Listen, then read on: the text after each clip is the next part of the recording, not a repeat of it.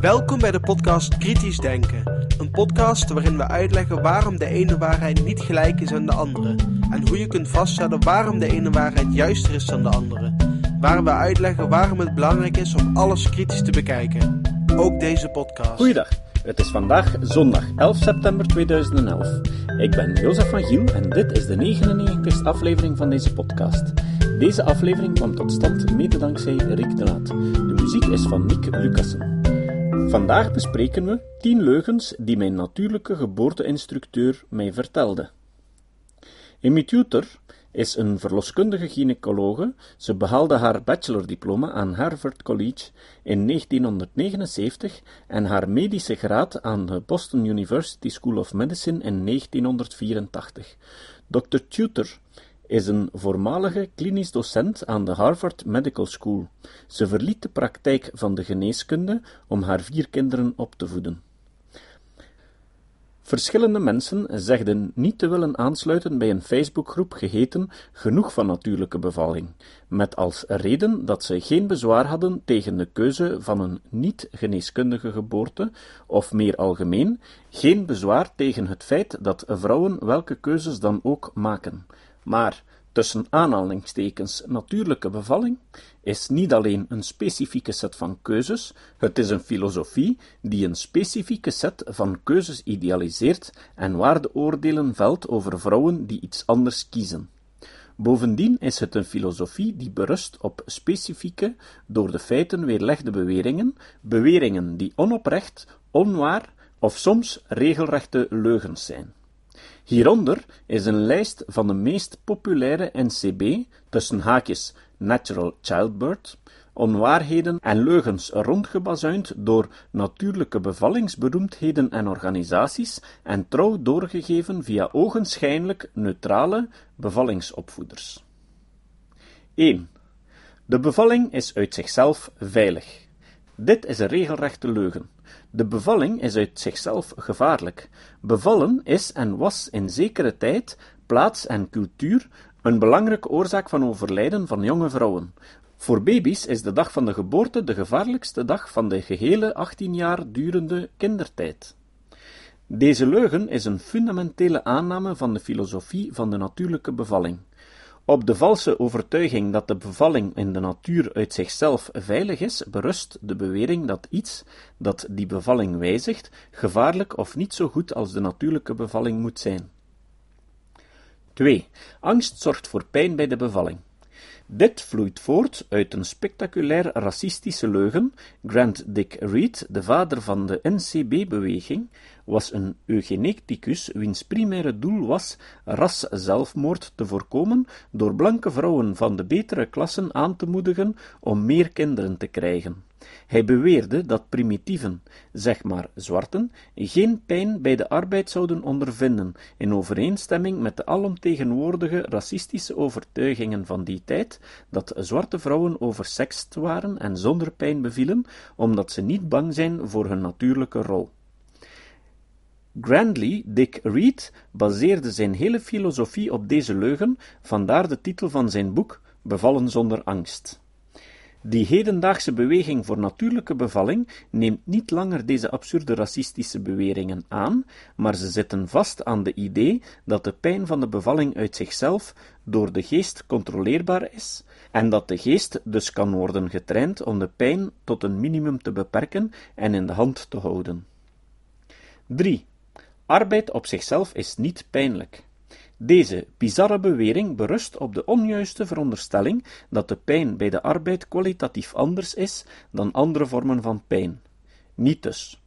Ze is precies zoals elke andere vorm van pijn, wordt in eerste instantie ontvangen door dezelfde types van zenuwcellen, gaat door precies dezelfde manier door het ruggenmerg naar de hersenen en wordt door de hersenen op precies dezelfde manier als welke andere vorm van pijn ervaren. 4. Ruggenprik is gevaarlijk en onnodig. NCB-voorstanders houden vol dat de ruggenprik niet nodig is, omdat de pijn van de arbeid op een andere manier moet worden gecontroleerd, of beter nog, moet worden doorstaan. Deze bewering is zowel levensbeschouwelijk als door de feiten weerlegd. De levensbeschouwelijke bewering berust op de naturalistische drogreden en het geloof in essentialisme. De naturalistische drogreden is de bewering dat, omdat iets op een bepaalde manier in de natuur bestaat, dat het altijd zo zou moeten zijn. Essentialisme is de overtuiging dat vrouwen een essentiële aard delen en gemachtigd zijn die natuur tot uitdrukking te brengen. NCB beweert ook dat de ruggenprik gevaarlijk is voor zowel baby en moeder. Dat is niets meer dan een leugen, door het overdreven opblazen van de vermeende risico's van de ruggenprik. 5. Interventies zijn slecht. Uiteraard, als je uitgaat van de onjuiste veronderstelling dat de bevalling uit zichzelf veilig is, dan is het onmogelijk om de voordelen van interventies te erkennen. Als je echter de realiteit dat de bevalling uit zichzelf gevaarlijk is onderkent, dan zijn interventies niets meer dan preventieve geneeskunde. Wetende dat complicaties veel en vaak voorkomen, volgt hier logischerwijze uit dat zwangere vrouwen moeten worden gecontroleerd op een verscheidenheid van complicaties, zodat ze kunnen worden voorkomen of zo vroeg mogelijk behandeld worden door de grootste kans op slagen. Vermits NCB beweert dat interventies over het algemeen waardeloos zijn, neigen ze tot de bizarre positie van het argument dat medische professionals bewust waardeloze praktijken en technologie aanbieden, omdat zij er financieel voordeel bij hebben. 6. Bevallingen inleiden is gevaarlijk en onnodig. Deze leugen werd pas onlangs door de NCB-voorstanders gelanceerd. Ze vloeit onvermijdelijk voort uit twee andere waangedachten: de overtuiging dat de bevalling uit zichzelf veilig is en de overtuiging dat, aangezien er geen inleidingen voorkomen in de natuur, er ook geen behoefte is aan inleidingen.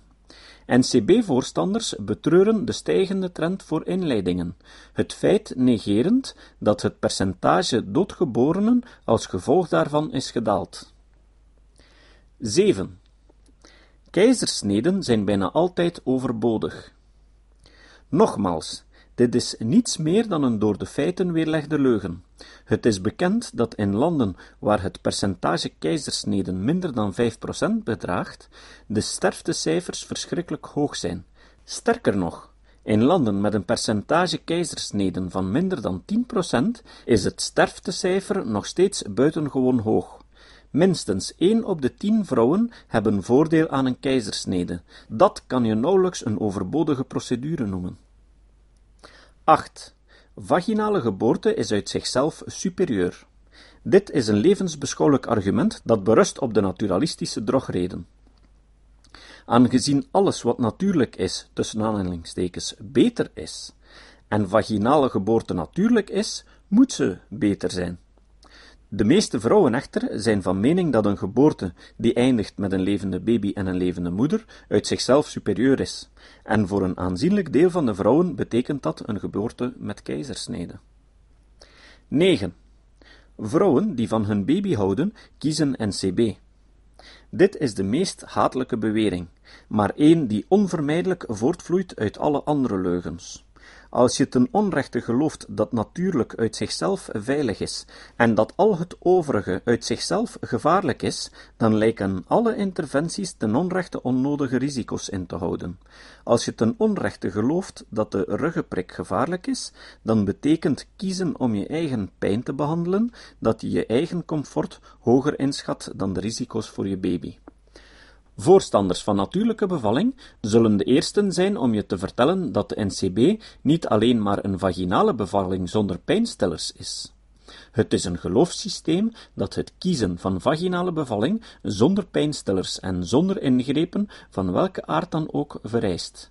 Zoals we gezien hebben, is het gebaseerd op een verscheidenheid van levensbeschouwelijke en door de feiten weerlegde beweringen, die gaan van fout tot regelrechte leugens. Natuurlijke bevalling idealiseert expliciet bepaalde bevallingskeuzen en bespot andere. Wat nog belangrijker is, ze idealiseert vrouwen die hiervoor kiezen, zodat ze betere vrouwen en betere moeders lijken dan de anderen. En dat is een reden waarom ik mijn buik vol heb van natuurlijke bevalling. Letterlijk en figuurlijk. Sinds ik deze tekst uit de blog van Dr. Tutor gehaald heb, heb ik ook nog een interview met haar gehoord. Daarin legde ze uit dat vroedvrouwen die in hospitalen werken en zij die thuisbevallingen doen, in Amerika eigenlijk fundamenteel verschillende beroepen zijn. Vroedvrouwen die in een hospitaal werken, moeten een diploma van een erkende en redelijk zware opleiding hebben, die ze aan een erkend instituut verkregen. De vroedvrouwen die thuisbevallingen doen, hebben een diploma dat nergens erkend wordt. In dat interview zei ze dat deze laatsten altijd studies over thuisbevalling citeren die gedaan werden in, jawel, Nederland. En waaruit zou blijken dat het aantal complicaties niet groter zou zijn dan bij bevallingen in hospitalen. Daarbij legde ze uit dat het voor Amerika een irrelevante studie is, omwille van twee redenen. 1. In Nederland zijn vroedvrouwen die thuisbevallingen doen wel degelijk opgeleid. Ze volgen dezelfde opleidingen als vroedvrouwen in hospitalen. En 2. Hospitalen zijn in Nederland omwille van de dichtere bevolking nooit ver weg, zodat ze bij complicaties snel te bereiken zijn.